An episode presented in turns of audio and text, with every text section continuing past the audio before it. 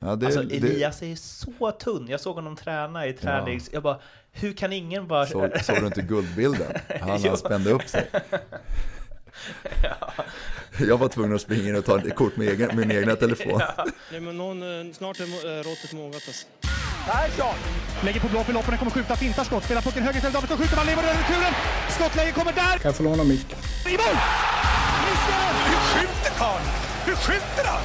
Jag kan bara säga att det där är inget skott faktiskt Lasse, det där är någonting annat. Det där är liksom, han skickar på den där pucken så jag nästan tycker synd om pucken. Den grinar när han drar till den. Utan Fröbo var målvakt! Kan jag få låna micken? Kolla! Poff! En allvarligt talat Leif Boork håller på med hockey i 600 år! Kan jag få låna micken?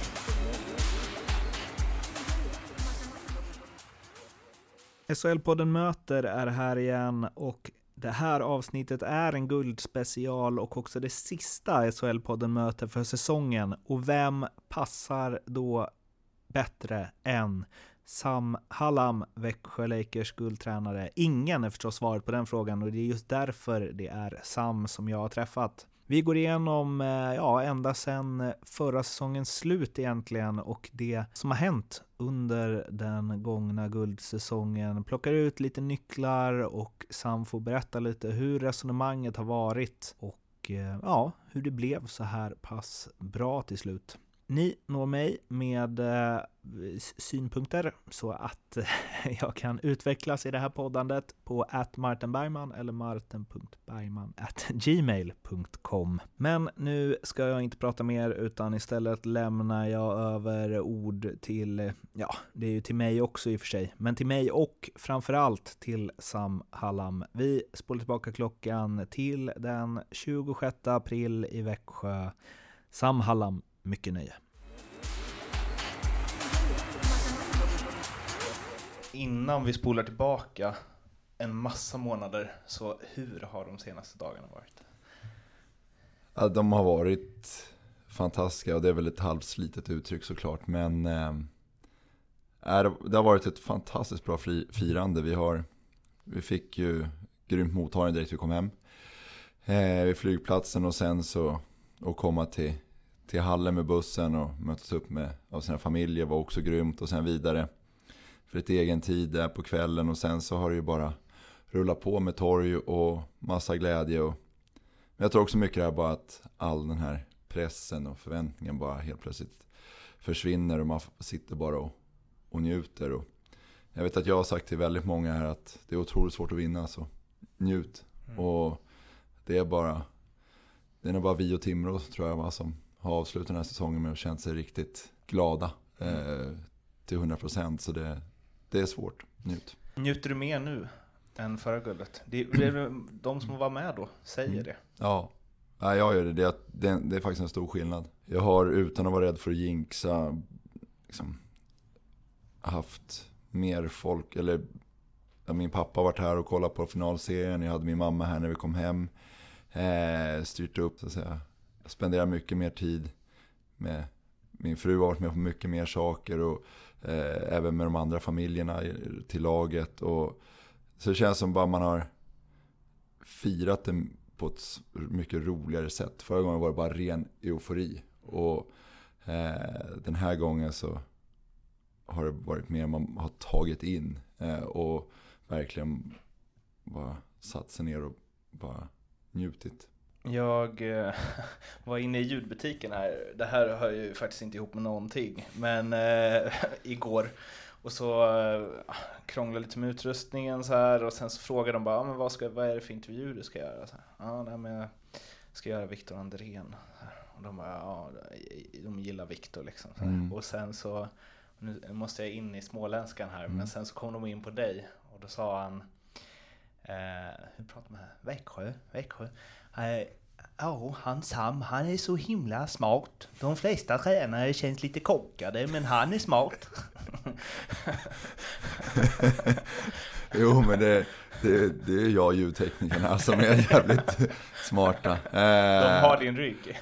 Ja men absolut, men jag tror att Nu har ju, jag har ju varit här i sex år tror jag och eh, Två av dem har ju vunnit och det har gått ganska bra och då blir ju tränaren ganska omtyckt. Eh, Och det är det man ska komma ihåg lite i den här njutningen och glädjen. Att när vi får så här otroligt mycket beröm och, eh, och kärlek från alla. Att man vet också att det, kom, det, kan komma en dag där resultatet inte är så bra. Och då blir man mycket mer ifrågasatt istället. Så eh, det är fantastiskt att känna folks kärlek och glädje. Och det var man en, jag var på både igår och hämtade på dagis och lämnade i morse. Och med man, föräldrar som man möter och personalen och just se hur glada alla är. Och det, det känner jag att jag är bättre på att, igen, att ta emot nu och fylla på eh, med.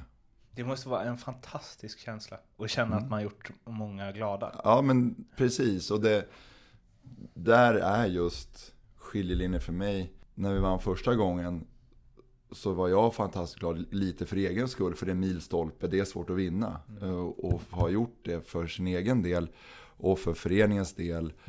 Men då var man inte riktigt beredd på den här glädjen eh, från hela stan. Och nu var det nästan den man har gått där framför sig. Det är den man vill uppleva och då få känna den. Den är häftig och det är därför vi, vi som var med förut och säger att njut, ta in det här. Och det är klart att nästa års lag och, och planering finns där. Och det är klart att det redan funnits en samtal mellan mig och Henke här. Och sådär. Men eh, vi är också på en annan nivå nu där vi bara känner att vi måste få ta in det här lite mer.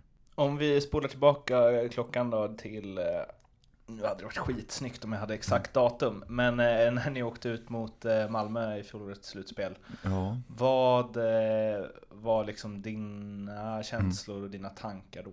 Jag tror att även om vi vann serien förra året så vi fick kämpa ganska hårt inledningsvis. Vi, vi fick in Emil Pettersson under säsongen och då hade vi börjat vinna lite precis före det. Så kom han in och skapade en balans eh, i vårt lag. Och, och sen gick vi på och hade såna 18 raka matcher utan förlust någonting. Jag tror det var ändå med ett spel som inte var ri, lika genuint som jag haft i år. Och samtidigt tyckte jag att Malmö gjorde det fantastiskt bra i kvartsfinalen fick ut väldigt mycket av sitt lag, hade ett fantastiskt målspel oavsett vem som stod i mål. Och det... Så det är klart man var otroligt besviken och arg, men... Jag vet inte. Vi såg igen i år på, på Malmö hur de spelar i kvartsfinalen. Det är en tuff motståndare som kanske inte är där att de har kraften att gå hela vägen. Men som kan göra livet surt för vem som helst. Nu ska jag säga det här att jag har eh, om du tycker att bara, fan vad han är påläst, då har jag inte pratat lite extra med er klackledare Koffe. Och eh, om du tänker så här, fan vad snett han är på det här, då har jag gjort det. så att du vet. mm, mm. Eh, men eh, inför eh, förra säsongen, eh, jag har pratat det med Koffe, mm. och då eh, skrev han så här. Ehm, inför den här säsongen så visste man exakt vilka ingredienser som saknades för att vi skulle gå hela vägen. Rahimi, stabila målvakter och lite mer skills. Ja, det absolut. Vi ha, det vi hade i fjol, om man jämför lag, så tittar vi på vår backsida då så hade vi kanske en tycker jag, den skickligaste backsidan i hela serien. Som kunde både åka och spela pucken bäst av alla backsidor i SHL. Och mot slutet så åkte vi på ett par skador där. Och det, i efterhand så var ju det en del. Vi gick in i ett slutspel, hade spelat ganska dåligt då, 7-10 matcher. Men också haft ett par killar som var skadade vid helt fel tidpunkt. Och just där och då så ville man inte stå och lyfta det som en ursäkt för att ta bort Malmös prestation till exempel. Eller, men det var verkligen en sak. Och sen, men möjligtvis hade en lite endimensionell backsida också. Och det är klart att vi, varje lagbygge försöker lära oss och ibland får man till det. Men det var inte säkert att vi skulle kunna få hit Anarhi, men nu fick vi det och vi blev jäkligt glada för det. Och samtidigt så ser vi hur killar som Oliver Bohm tar ett kliv till. Så det gjorde ju att våra skickliga spelare fick vara skickliga spelare och våra killar som spelade lite tuffare, lite rejälare gjorde det och alla hade lite lättare att vara i sin roll tror jag. Men det kändes lite som att Malmö i fjol eh, eller det kändes som att ni saknade lite så här tuffhet Mm. på backsidan då? För att de spelar ju på ett sätt som... Lite, lite grann, men samtidigt så tyckte jag att vi rent taktiskt kanske inte hade ny- hittade nycklarna och luckra upp deras försvars på samma sätt som vi, jag tycker vi har, har hittat ett bättre anfallsspel just mot till exempel Malmö och deras försvarsspel i år. Så det är men om vi kan ju sitta här och skylla på spelarna i fjol. Och, eh, men jag kan säga att det var ju inte att jag rent taktiskt gav oss kanske de eh, verktygen som vi hade behövt att jobba med där och då. Ihop med andra saker också. Sen kan man komma ihåg, det var en, utan att kunna matcherna utan till där så var det ju ett par det var någon, någon övertid, vi hade ledningen någon match med 3-0, lyckades tappa den i en tredje period. Och, så det var ju inte att vi blev sveta med 4-0 och stod där och undrade vad fasken som hände, utan det var jäkligt tajt.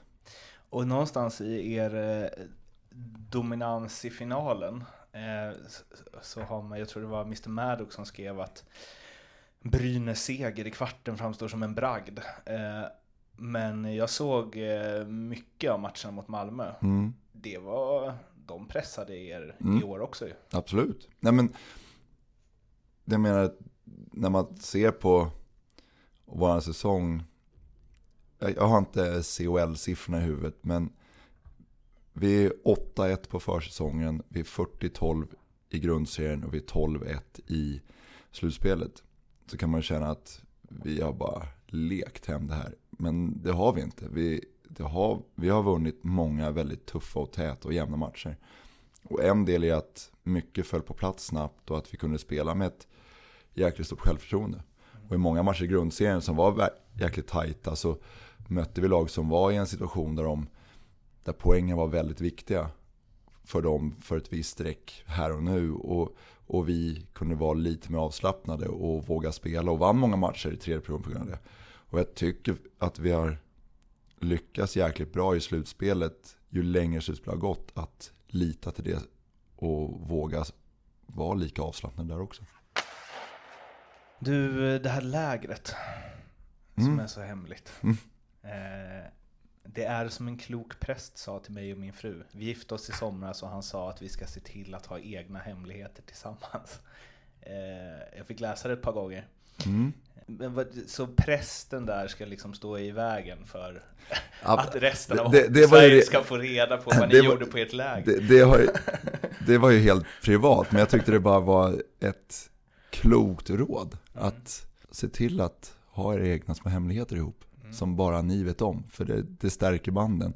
Och lite så är det med det här, det är väl inget, om jag, jag kan tänka mig att med tiden så droppar det lite saker ut och det är omöjligt att inte göra det. Och, eh, Droppa på.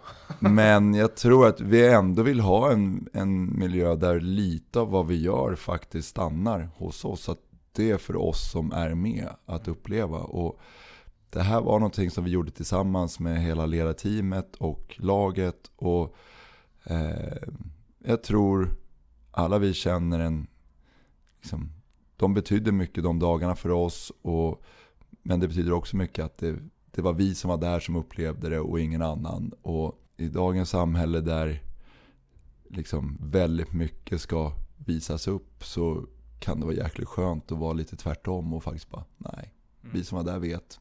Och så får det vara. Det är ju en, eh, det som är lite roligt med det är ju när man läser kommentarerna, tror jag var Viktor Fast så, då, då kände jag bara så här, vad är det man, vad var det i Blekinge? Va? Någonstans, Mm, ja, mm, bara, mm. Vad är det man kan göra där som är så himla liksom speciellt? Mm. Och det gör ju också att det är så här, jag börjar spekulera i helt så här, nej, det är orimligt att det är Mm. sånt de har gjort. Eh, För att det blir ju så här en mytbild, att man inte Ja, berättar gör ju ja. också att folk förmodligen tror något mycket mer än vad det var. Liksom. Och, och det, är det, det är det som är så bra. Eh, och det är därför jag menar att, jag men, om vi tar en, jag, kan vara, jag är kritisk till exempel, jag gillar inte alls de här mikrofonerna i, i båset. Mm. För, och jag, å ena sidan förstår jag att det finns de som tycker det är otroligt spännande att få höra lite. Och jag förstår produktionen som vill ge så mycket som möjligt. Och det är en balansgång. Jag håller med. Vi, vi ska, för att skapa intresse och, och ha en transparens utåt och en öppenhet och verkligen dela med mycket av vad vi gör.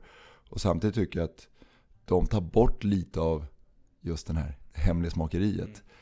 För ofta är det nästan, verkligheten blir ju sämre. Ja, än... man blir alltid besviken Ja, exakt. Så låt oss få gå runt och känna att vi har gjort någonting fantastiskt. Och det här lägret var en del av det. Och så kanske det var så mycket mer än en, en stor grupp som bara fick slutas lite från omvärlden i, i en stund och göra någonting som bara var för oss. Och det har hjälpt oss att, att rida vidare. Kommer ni göra det igen? Det är svårt att, som sagt, nu ska vi bygga en ny grupp och skulle vi hitta på något sånt här så de som inte var med tror ju också att vi ska hypnotiseras till att eh, och dricka något magiskt dryck. dryck som gör att vi är oslagbara. Så är det ju inte. Eh, någonstans kommer det ner till att öppna upp och vara, skapa en samhörighet och en, käns och en riktig tro på det vi gör. Och, så vi kommer säkert hitta på saker och det gjorde vi ju med, med det här laget redan på försäsongen ett par gånger och hittade på lite saker som hade väldigt lite med hockey att göra men för att bara flytta kanske gränsen för man tror att man klarar av eller orkar eller och, och stärka liksom gemenskapen. Och det, för vi sitter ju och pratar här om skills och tuffhet och taktiskt taktiska verktyg och så kommer det ändå någonstans ner till att det handlar om att en grupp drar åt samma håll och jobbar jäkligt hårt för det och klarar av eh, framförallt att ta lite motgång och lite tuffa saker. Mm. Innan vi lämnar det, åt, fångade ni orm och grillade den över öppen eld? Nej, vi åt lagad okay. mat på tallrik. Ingen Leif Bork-grej? Nej. nej. nej. Nej, men det kan vi säga att mycket av när vi gör saker så, alltså vi gör ingenting för att, så att säga, det tror jag inte Leif Bork heller hade som intention att, så att säga, straffa eller penalisera fram glädje, utan människor klarar sig utan mat ganska länge och dryck och sömn. Men eh, det ska vara inom rimliga gränser. Intervjuade Liam Redox igår och han sa att eh, ni på, ja, i början av augusti någon gång hade liksom en, en genomgång för eh, ja, inställningen till den här säsongen och så vidare och mycket i att eh, prester, eller liksom prestationen framför resultatet och så vidare och att det på alltså det byggde en helt annan mentalitet i gruppen mm. än vad vi hade i fjolåret. Kan du eh, utveckla det lite? Då ska vi vara med att det vi satte upp som det stora målet var att vinna SM-guld. Så du kan inte sätta en tuffare ribba så för oss själva.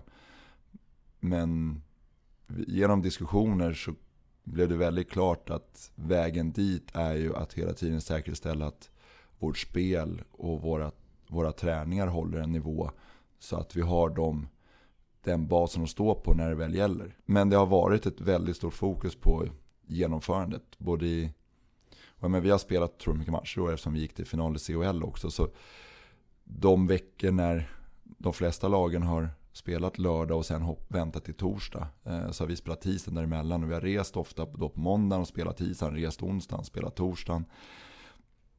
Och ändå har vi tränat på otroligt mycket och vi har även de här CHL-matcherna i princip tränat på morgonen inför dem. Eller legat på tuffa fyspass på måndagen för att målet har ju varit att vi ska vinna SM-guld. Så det har hjälpt oss på många sätt att hålla fokus på vad som är viktigt här och nu. Och då ska ni veta ni som lyssnar att jag åkte mellan finalmatcherna Eh, och liksom skrev på en dator och filmade mm. lite. Och bara det är jobbigt. jo men det, alltså. det, det, låter, alltså, när, är man lite utanför vår värld kan man tycka, vadå, är det jobbigt att resa? Mm. Resa är ju kul. Svinjobbigt. det är, alltså det tar på ett konstigt sätt väldigt mycket på krafterna att mm. vara borta mycket, att resa mycket, att sitta och vänta på ett flyg. Mm. Sitta på ett flyg, bara vilja vara framme, komma dit, checka in på ett nytt hotell. Upp tidigt, in i en ny ishall, mm. träna där, ut och prestera på kvällen. Upp tidigt dagen efter, få ett mm. till flyg, mm. vänta lite. Mm. Buss från Köpenhamn, träna igen. Det låter som att ja, men, man sitter ju bara på flyget. Men när du reser mycket, och det är just det efter en säsong också, vad som händer att luften går ur alla lag. Mm. Men det, jag menar, vi avslutar med att vi var i Skellefteå i torsdags, kom hem, jag tror, tre på natten. Upp på fredagen för att samla ihop oss, för att ta nytt sikte, för att spela hemma på lördagen, för att tidigt söndag morgon flyga upp till Skellefteå och spela igen. Och, men så har vår säsong sett ut nästan hela tiden. Så det, och vi har haft en bred trupp och vi har behövt den bredden för att klara det. Och det, på tal om det, det är en sån himla respekt för NHL där. På tal om resor. Absolut. Det, Alltså.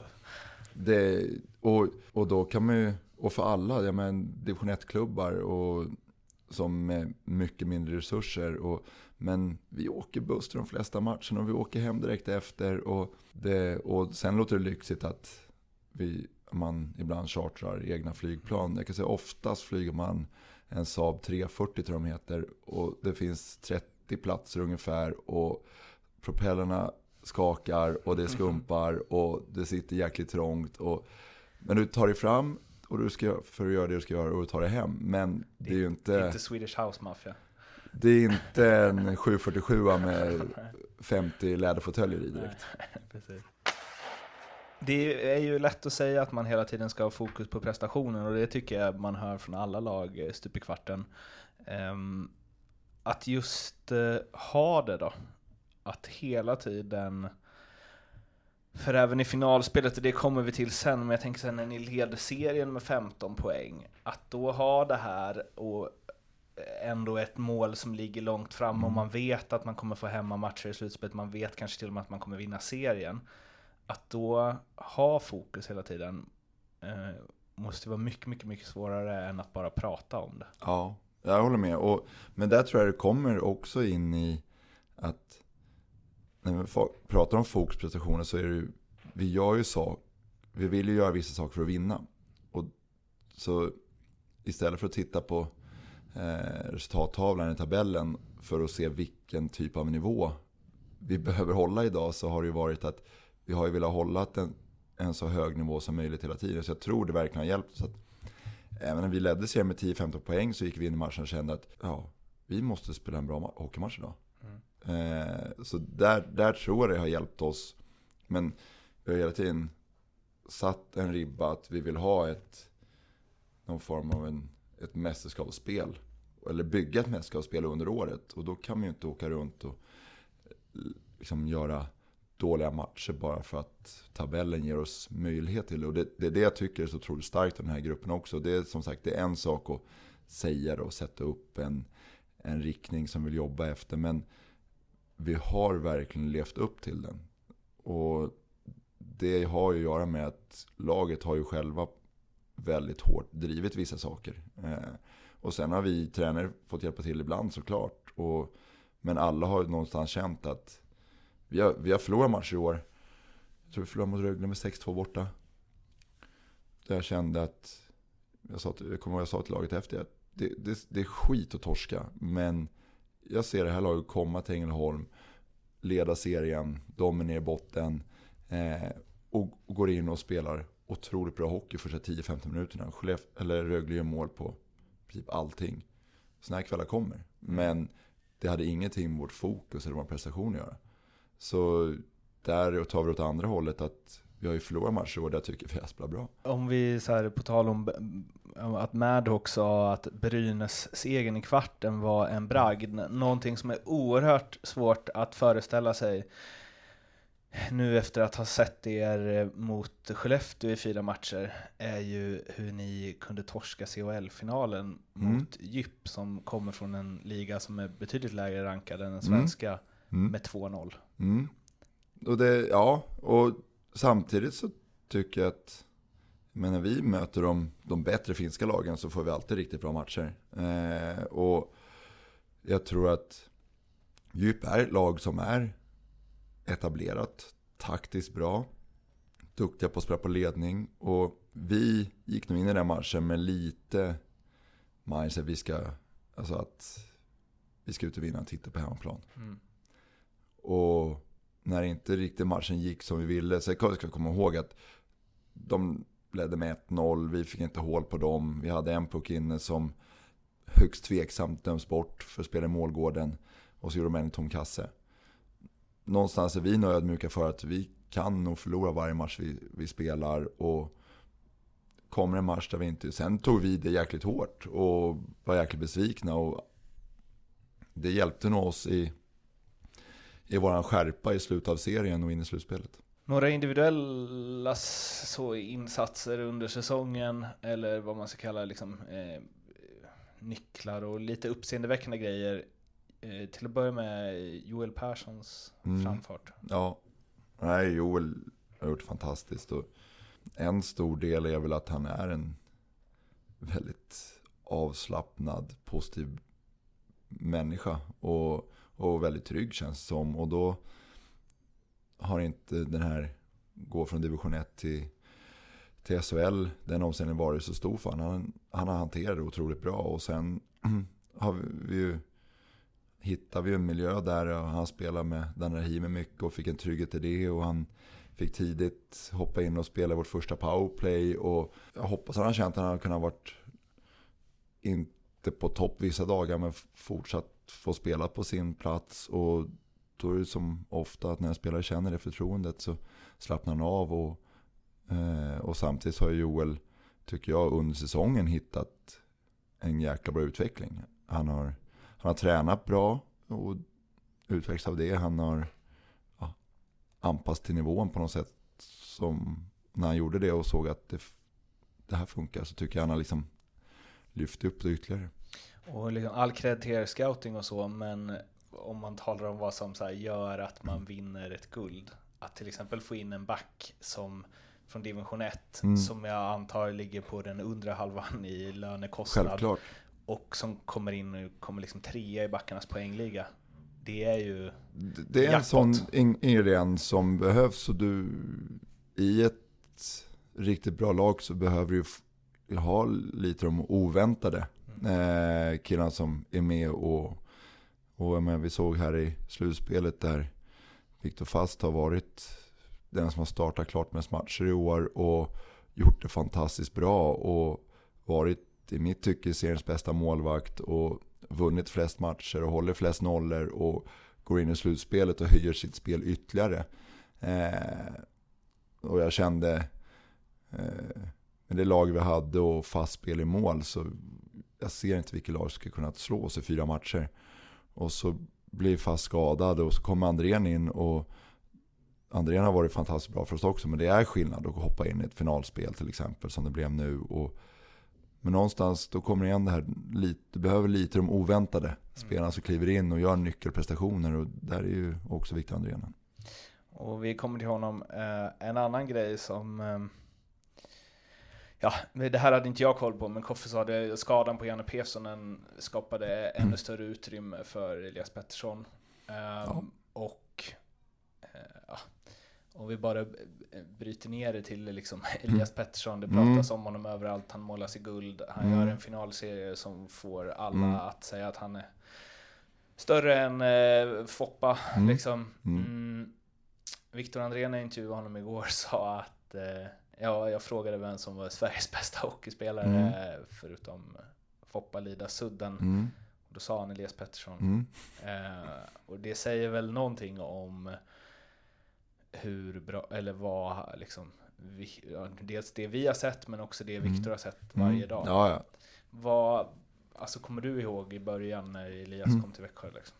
Vad du ja, tänkte och tyckte? Nej men vi, vi visste väl ganska hade en ganska bra koll på hur Elias såg ut både på, på isen och på gymmet och sådär. Och vi satte väl en träningsplan för honom som var nåbar men i, i lagom takt. Och, och sen som det jag upplevde väldigt tidigt var just hans, hans vilja att göra rätt för sig. Jag kände att han var otroligt mån om att visa att han var här för att jobba hårt, för att följa det taktiska, för att plocka skott om det behövdes och spela bra försvarsspel och vinna tillbaka puckar. För att verkligen visa att han var en kille som spelar för laget. Och jag tror, och det, det var den spelaren han var i Timrå. Och nu kom han till ett nytt lag och hade nog bestämt sig att jag ska verkligen visa de här delarna. Så det var nästan att hans skicklighet med pucken kanske fick stå, stå tillbaka lite i början. För han var så mån om att göra rätt för sig. Sen tror jag när han gjorde, han, det tog ett par matcher i grundserien innan han gjorde första målet tror jag. Och jag tror det också var en sån här liten barriär att bryta. Och sen tror jag att han har spelat i ett lag där han allt eftersom har han tagit kanske den ledande positionen offensivt. Men där han fram till dess kände att det här laget vinner ju matcher utan att jag måste eh, göra mål. Och det tror jag kan ha bidragit också att han kunnat slappna av och, och våga spela mer och mer. Vilket också så ledde till att han gjorde flest poäng av alla. ja, jo, men, det, men när, när, han liksom, när han väl gasade på mm. och då, då var det ju, men han hade väl någon fempoängsmatch i år och någon trepoängsmatch och någon fyrapoängsmatch. Så han har ju den nivån i sitt spel att han kan vara uppe på de poängen och det är inte en slump att han gör så många poäng eh, i matcher för han har den nivån. Så det, nej, han har en fantastisk nivå i sitt spel redan och han kommer bara bli bättre och bättre kommer liksom fem, sex åren i utveckling och sen hoppas jag och tror att han kommer vara en av de ledande spelarna i NHL i många, många år. Det finns ju, eh, vi snackade om det jag och Jocke som åkte runt på den här finalserien så sa vi liksom men han kan ju bli bäst i världen. Och sen var Conor McDavid liksom mm. eh, vann NHLs poängliga när han var lika gammal och så vidare. Det finns kanske en liten, liten nivå till, men han kan ju absolut bli en topp 10 forward i NHL. Ja. Och det måste ju, eller så här, är han den största här, talangen som du har haft att göra med? Ja, mm, ja det är det. Mm. Det är det. Eh, definitivt. Och samtidigt så säger det det är så jäkla svårt att säga vart han ska vara sen. Han gör det så fantastiskt bra. Redan det han har gjort nu är... Ja, det är väldigt få. Mm. Vem var det? Var det Håkan Loob som hade vunnit poängligan i både... 82 va? Ja, i grundserien också utspelet. Eh, så det säger ju lite om vad han redan åstadkommit och att vi kanske ska... Ja, jag, du frågade och jag svarade och lyfte upp det, men om man bara kan vi låta han också spela och så får vi se hur det blir. Och rätt vad det är så kanske det kommer en skada som tar bort en säsong och så, och så vidare. Så, men att han redan är en toppspelare tycker jag att vi ska vara överens om. Och när man redan börjar nämnas, när du börjar prata Carl McDavid, när du har redan pratat om Peter Forsberg och Mats Sundin och Niklas Lidström, så eh, då har man kommit rätt långt redan. Eh, är han så Alltså utåt, han är ju extremt liksom försiktig och eh, ja men blyg kan man uppfatta också så här inför eh, det var efter första bort, match två där eh, så sa Jocke åt honom inför intervjun så sa han så här Fan det ser ut som du har ni precis förlorat med 4-0 mm. Och då sa han bara vi har inte vunnit något än. Nej. Eh, alltså dels en man kanske en blyghet och liksom, han, han känns inte som den som tar störst plats direkt. Nej.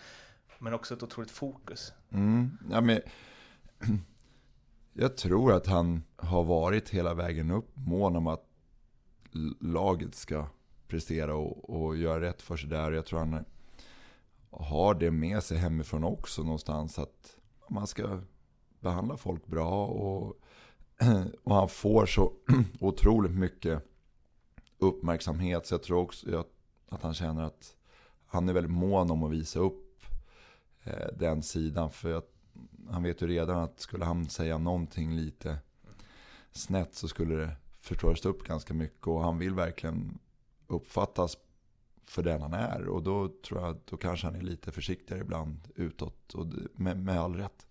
En grej som är fint där är ju någonstans att för jag tänker när man har det mentala fokuset som eh, han har och att men man känner, som du säger, man känner att han tänker sig för innan mm. han svarar på mm. grejer. Och samtidigt så börjar han gråta när han får reda på att Timrå har gått upp i SHL. Mm. Det är en intressant kombo. Alltså... Ja. ja, men det, att han är lite kanske försiktig ibland uttalar sig. Det betyder han bär på jättemycket känslor och som jag sa, han han tycker väldigt mycket om Timrå och värdesätter så otroligt mycket den tiden han hade där, vad de har gjort för honom. Och hade de spelat i SHL i fjol, då hade han nog fortsatt spela där tror jag. Och, mm, så för honom betyder det så mycket och nu, jag tror säkert också var en omställning för honom att komma till att spela för en annan, ett annat lag. Att okej, okay, nu är det inte, förut, jag i Timrå spelade han för hela föreningen och för de som jobbade i, på kansliet och i kiosken och för fansen. Och, och så plötsligt så kom han till ett nytt ställe. Det tog, tog nog lite tid för honom att förlika sig med och, och, känna att han verkligen spelade för någonting mer än, än bara sig själv så att säga. Och det tror jag var också en del av hans liksom, spel andra halvan av säsongen också. Att han kände att han verkligen spelar för det på bröstet och för föreningen och fansen och sina lagkamrater. Mm. Ja, det, det jag menar var mer så att det är intressant att man kan vara så fokuserad och så ja, men, försiktig som man är och liksom att han tänker förmodligen ganska mycket eh, på hur han framstår och samtidigt verkar han ha extremt nära till sina känslor. Liksom. För han ja. började ju gråta matchen efter också när han slog något. Ja, jo, liksom. absolut. Och, han, nej men, och det är ju härligt. Förstå om vi kan ha liksom, framtida stora stjärnor inom sporten kommer fram och vågar visa de känslorna. Och, men, Foppa visar också känslor på ett sätt. Eh, Börje.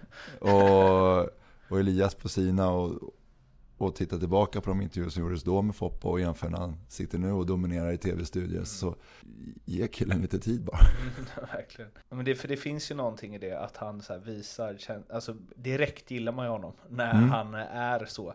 Men, och jag tycker att det är bra att han kan kombinera de grejerna. För jag tänker att annars blir man så fokuserad på så här, jag, jag ska vara så här, jag ska svara så här, och det blir nästan Mm. Alla hockeyspelare, och det är väldigt så i NHL, alla är typ lika. Mm. Det mm. finns ju liksom ingen så här, man känner inte extra för någon för att Nej. alla är bara i ett fack. Ja. Och om man kan hålla kvar vid det där så känns det som att det kan...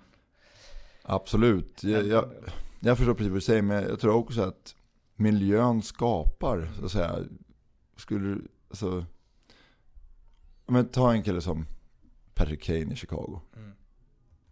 Som är en av världens skickligaste hockeyspelare och som är, vad jag har hört, bara en av de mest seriösa mm. hockeyspelarna. Som tränar mest mm. och är totalt dedikerad. Så slappnar han av efter en säsong och blir filmad när han dricker lite bira på stan i en t-shirt och ser ut som han är spring break party ungefär. Mm. Och så får alla bilder av att han är en jäkla slapp stekare och så nog tänker spelarna för hur de uttrycker sig och hur de uppträder. Koffe fortsätter här då.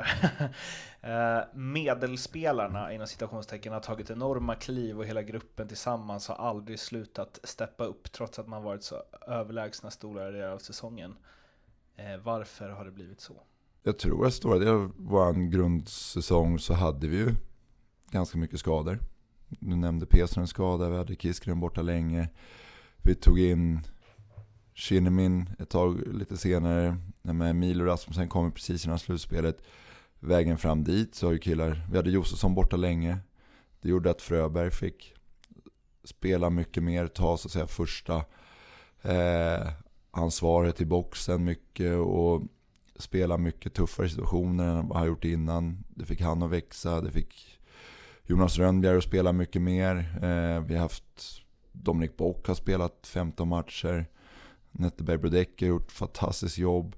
Så i och med att vi hade lite skador så har ju fler fått tag i större ansvar och växt av det. Och, ja, vi nämnde Joel Persson tidigare och det var samma där. Ben Jaus gick sönder i första träningsmatchen. Och det var för, liksom första powerplays point plats ledig och han fick den direkt. Så vi har ju haft en säsong där många har fått kliva upp och ta mer ansvar än de kanske hade varit planerade från början och växt av det. Så jag håller helt med om det.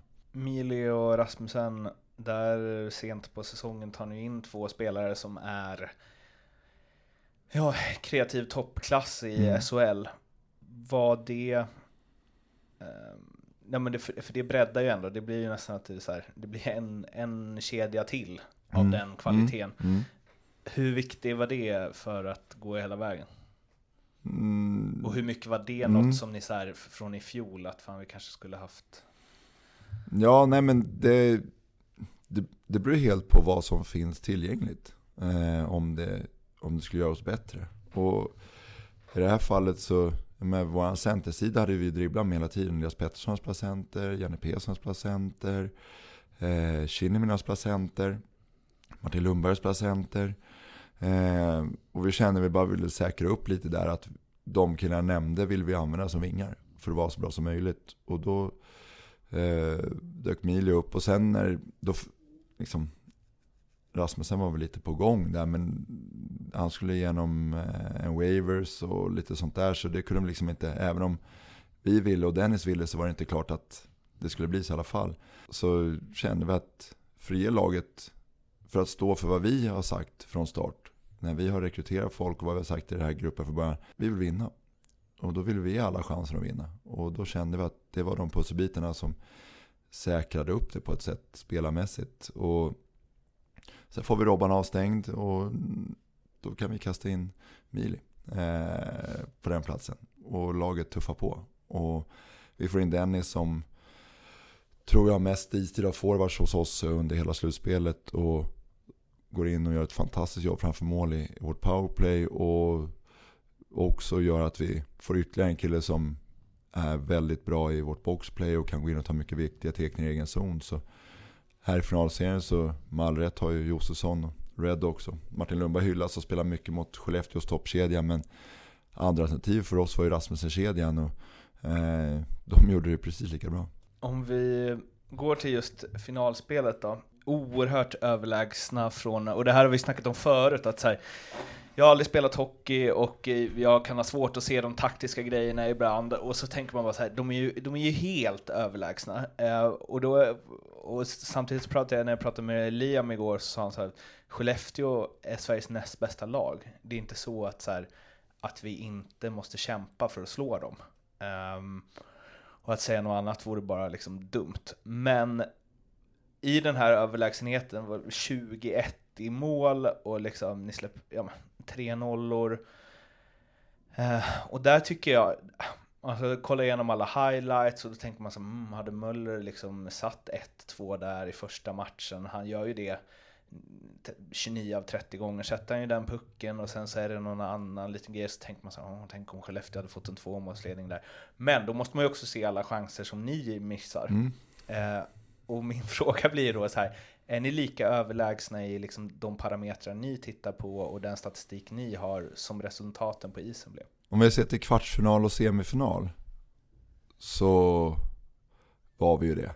Eh, I kvarten så tror jag vi satte rekord i, om vi ser till Corsi, i någon match. Mm. Eh, I antal skott framåt. Och, men det var en lite läskig känsla för så fort till exempel Brynäs kom, kom in i vår zon så kändes det som att nu var det lite farligt. Och den förvä- det, det, det tolkade jag utifrån också, att ja, men Brynäs skapar några lägen och så var det sådär 19-3 målchanser. Jag tror de hade någon match här i vidare, de hade fem skott mål i 5-5 spelet. Mm. I matchen mot Malmö så hade de lite mer pucken oss. Men, väldigt mycket, men över hälften av matcherna spelades i Malmö zon. Mm.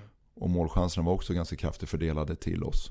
Skotten i, i skottsektorn var också kraftigt fördelade till oss. I finalspelet så har ju fortfarande siffrorna pekat i vår riktning men det har varit lite jämnare, helt klart. Okej, det har det. Ja. Mm. Så där är det mer att vi har haft ett väldigt bra målspel, ett väldigt bra försvarsspel och varit lite effektivare än dem, helt klart. Men det är fortfarande, siffrorna är på vår sida men inte med samma eh, differens som tidigare. Victor Andrén berättade igår att du hade sagt till honom efter matcherna att, så här, ja, men att han ska veta så här, hur jävla svårt det är att eh, göra det han gjorde och så vidare. Eh, och så sa han bara, ja, men det kändes inte så. eh, vilket ju är ett hyfsat betyg till hur laget Ja. spelar. Tänker jag. Jo, det är det. Eh, men nu med match fyra uppe i Skellefteå där till exempel. Viktors första period är ju fullständigt strålande. Han, han är så lugn. Han, han har någon räddning där han både räddar och sen skickar han iväg returen. Han liksom gör både sitt jobb och backens jobb ungefär. Och är så lugn och så perfekt i sitt positionsspel. Och, så jag tror han har haft ett sånt fokus och att det har säkert inte varit svårt. Mm. Har inte känts svårt mm. för honom. Men det har gjort är fantastiskt svårt. Och, men som sagt, det är vad vi har att jobba med här. Och få alla att förstå hur, hur mycket jobb och mycket förberedelse ligger bakom för att få upp, känna den känslan. Mm. Och någonstans, det han gör är ju eh, eh Ja, Liam sa ju det att så här, det, de siffrorna kommer aldrig att röras liksom. 99,09. Åter till ljudkillarna. Han, sa ju, han släppte in ett av hundra. Eh, jag hade väl räddat ett av, eller ett av 101 bara. Eh, men, eh, men det är ju en helt, eh, ja men, för någonstans blir det så här, visst spelet ser ju ut på ett visst sätt, det är därför ni vinner med så mycket. Men det man faktiskt kan säga, så, här, så som han spelar, ni hade ju inte behövt göra massa mål. Nej. För ni släppte ju bara in ett.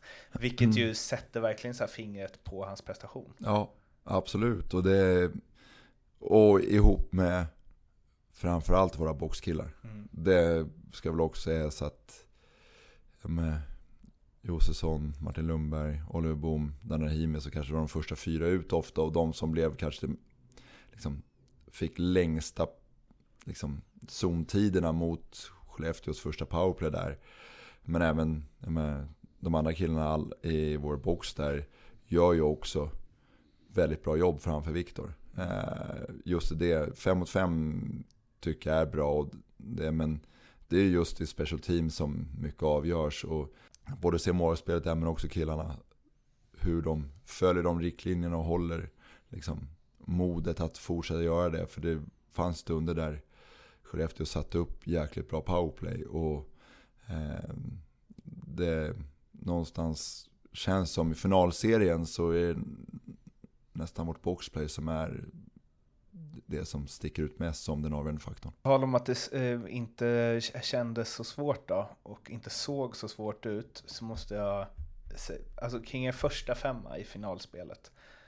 Eh, ibland, och jag fattar ju att det inte är så här, men ibland så ser det ut som att de typ är ute och latchar lite på träning. Mm. Och det är liksom, det är knappt mm. de får en tackling. De bara glider mm. runt och lite goa flippmackor mm. och hej och, och jag kan typ bli lack på det ibland för så här, varför, varför är det inte bara någon som kör på honom? Men det är alltså som att så här, Skellefteåspelarna har sån enorm respekt. Men mm. det handlar ju förmodligen inte om det. Det är ju bara att de inte kommer åt dem. Och du har ju sagt det att så här, eh, att få det att se så lätt ut mm. är så himla svårt. Mm. Vad är det de gör som gör att det ser ut så? Jag, dels, jag tror det är två delar. Dels är det att vi har ett väldigt brett lag. Och alla enheter kan hota offensivt. Så det är svårt att matcha mot, mot oss så. För att då kommer Kinnamin, Rasmussen och Kalof in i byte efter. Och sen kommer Pesonen, Emilio och Fröberg in i byte efter det. Så vart ska du kanske spelar dina starkaste defensiva kort? Eh, så det har lite frigjort lite utrymme för Rosén och Kiskinen och, och Pettersson. Men sen sättet de har spelat på har ju varit, de har ju kunnat vara avslappnade. För de har ju känt det här stämmet. Eh, men jag håller med. Men hur lätt är det att tackla någon som ser spelet så bra? Eh, och det gäller ju alla tre. Och med, Robban gör väl ett mål i match två i första bytet i, i tredje perioden där. Där men, han ser hur den back, vad han, hans back är före han får pucken. Mm. Och då tycker jag, men då kan jag liksom välja, jag kan gå in eller jag kan gå ut på utsida. Men det är inte så många som ser vart den killen är innan du får pucken. Mm. Det är sånt Robban Rosén gör. Och då, då är det inte så jäkla lätt att spela mot honom heller. För det är ju både, alltså Kiskinen är också grym liksom, men just mm. Robban och Elias, det, ibland så Uh, ja, det känns, och framförallt uh, Rosén som jag tittar, ibland känns det bara som att han bara oh, åker runt. Mm. Och jag undrar, eller så här, gör vad, alltså så här, ta ner honom på något sätt. För att han är ju inte den som går in och så här bökar mest Nej. i hörnen eller kör offensiva Nej. tacklingar. Fast vi har ju fått se en sida av Robban nu. eh, som sprider skräck i hela Hockey-Europa tror jag. Eh, han, eh, men jag, jag tror att när Robban har det här självförtroendet Mm. som han har spelat med, då, då ser det ut så här. Det finns ju perioder eh, under Robbans sång här kanske där han ska kämpa lite mer hockey och då, då blir det kanske lite mer forcerat. Och, eh, men just när han känner det här självförtroendet och självklarheten i spelet, då, då ser det ut som att, som du säger lite, att det är han och polarna som åker runt på allmänhetens ibland och, Mm. och fejkar lite och snurrar lite och garvar lite. Och, och där har ju den kemin varit fantastisk. Och igen, jag, jag hävdar ju att Kiskinen har en otroligt viktig roll i det också. För han gör mycket och vinner mycket puckar och täpper upp. Liksom, när någon kliver fram då kliver han in bakom och täcker upp. Och många av de här målen vi har sett så har vi också sett att Kiskinen har varit involverad på något eller annat vis. Så det, det är helt enkelt en väldigt bra kedja för att de ser saker på väldigt liknande sätt men kan göra lite olika saker för varandra. Om man säger så här då, om du hade tränat ett lag som hade mött den kedjan, Mm. hur hade du gjort då? Det är inga hemligheter. Jag tror det bästa hade varit att se till att vi får spela mycket anfallsspel på dem. Så är det ju ändå. Robin Rosén är ju mycket bättre i offensiv zon än defensiv zon. Så någonstans försöka hålla pucken ifrån dem. Mm, Okej. Men när de väl har den i offensiv då? Hur gör man då? Ja, det, alltså det, Elias är så tunn, jag såg honom träna i tränings... Jag bara, hur kan ingen bara... såg, såg du inte guldbilden? Han, han spände upp sig. ja. Jag var tvungen att springa in och ta ett kort med egen, min egna telefon. Ja. ja, men, alltså första gången jag såg honom, det var på någon värmning när han bara har liksom Ja, mjukiskläderna på ja. det. Jag bara, va? Va? Mm. Alltså, k- märkbart, alltså knappt eh, bredare än klubban liksom. Nej. Nej, och där, men och Elias kommer ju bygga på sig med åren. Eh, Och det kommer behövas för lite liksom, klara av att hålla sig skadefri och, och sådär. Och stå emot. Men han ska upp och tävla mot de bästa backarna i världen här. Och då behövs det lite till i, viss, i vissa situationer. Men överlag så är det ändå att han ser spelet så bra. Så även alla är ju starkare än Elias på isen, tror jag i princip. Eh, när, han, när han tränar med oss så, fin, så är alla andra i alla fall starkare. Och jag tror det ser ut ungefär liknande i alla lag. Men han har ju någonting annat. Eh, han har ju en blick och han har en nat, liksom, naturlig ganska kvickhet i kroppen. Så, och så har den här balansen. Du har ju, han har ju satt lite offensiva tacklingar ibland. Och, och det kommer ju inte av, liksom, av muskler. Det kommer av balans och det kommer av spelförståelse. Snyggt när han glider med, så här, mellan backen och sargen. Ja. ja, men det är någon sekvens där i, i match två också. Det blir inte mål då, men han, han vänder och vrider med någon back i, i hörnet. Och så vänder han ner. Och innan han sätter en backhandpass rakt in i mitten till Robban Rosén tror jag. Så hinner han rätta till hjälmen med Ja, jag vet. Jag Alltså, det är sån här, Det säger också något att det är prio, den ska sitta där. Ja, det ska, jag skulle säga det förut när vi pratade om honom, men det ska ju bli... eh, Det var länge sedan jag var så taggad på att se NHL som det ska bli att se honom och Jonathan Dahlén i Vancouver. ja, Om de nu tar plats där. Det ska bli oerhört intressant att se vad de kan göra. Det är synd att Sedinarna inte gör en säsong till alltså. Ja, de ja. Kanske kände att det var dags att Lämna över. lämna över plats. Eh, åter lite eh, Koffe här, han skrev så här. Allt handlar om att eh, få ihop gruppen, men 2015 gick det lite troll i bägaren under ett par matcher även om vi vann. Den enda motgången 2018 har varit att eh, vi inte vann COL känns det som. Annars har allt bara flytit på. Är det så? Mm. Nej, men så internt är det ju inte så. Nej. Vi känner att det är därför jag tror många av oss känner att vi har slitit jäkligt hårt för vara där vi är. Ehm, men, Men man kan ju slita och ändå känna att det här flyter på. Ja, det har det gjort. På ett sätt. Men jag säger igen att alltså, under säsongens gång, det var en period där vi, vi satte lag på isen som, menar, vi hade mycket bra spelare på läktaren som var skadade. Och vi lyckades hantera det, men det var ju inte en period där vi kände att det bara rullade på.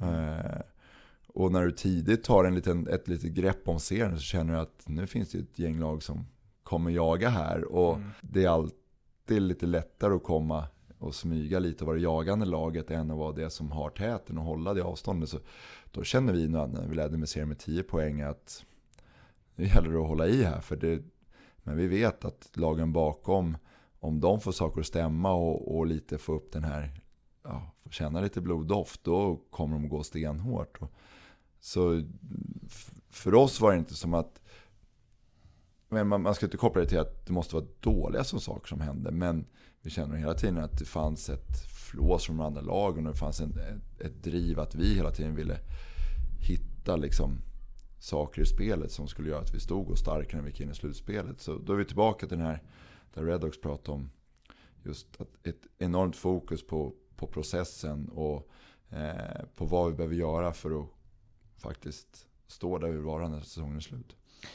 Hur stor del i finalförlusten i SHL tror du liksom Ja, men här, att hålla glöden uppe hela vägen. Ja, men den hjälpte till, definitivt. Det var en sån här, den fick oss att känna att okej, okay, det finns saker att jobba på här. Och när det kommer ner till matcher som betyder väldigt mycket så vill vi prestera bättre. Eh, så, så den hjälpte ju till, absolut. Jag hade mycket hellre suttit här och haft två guldmedaljer runt halsen. Men nu fick vi en liten näsbränna där och jag har haft en silvermedalj som ligger vid, i köket där stod, när man diskar och kunna titta på och blivit påminn om att det är jävligt tråkigt att förlora finaler. Så det, det har klar, definitivt bidragit. Och du späker dig själv, du diskar vilket också är en av de tråkigaste grejerna. Definitivt, inte så ofta men, eh, men den, den, ligger där. Och inte så, men Jörgen har haft den hängande i vårt tränarrum. Aha, eh, okay. Så vi har fan sett den varje dag. Och jag vet det är väl så man fungerar lite. Jag har ett, mitt nyckelband är ett Sparta Prag-band. För jag tror vi är typ 0 för 6 på dem genom åren. Eller någonting. Ja, vi har aldrig varit någon Sparta Prag i alla fall och vi har mött dem ett par gånger i Champions Hockey League. Så också så här, som en liten påminnelse varje gång jag ska gå in i hallen att just det. Det finns att jobba på. Bäst att vara bra idag.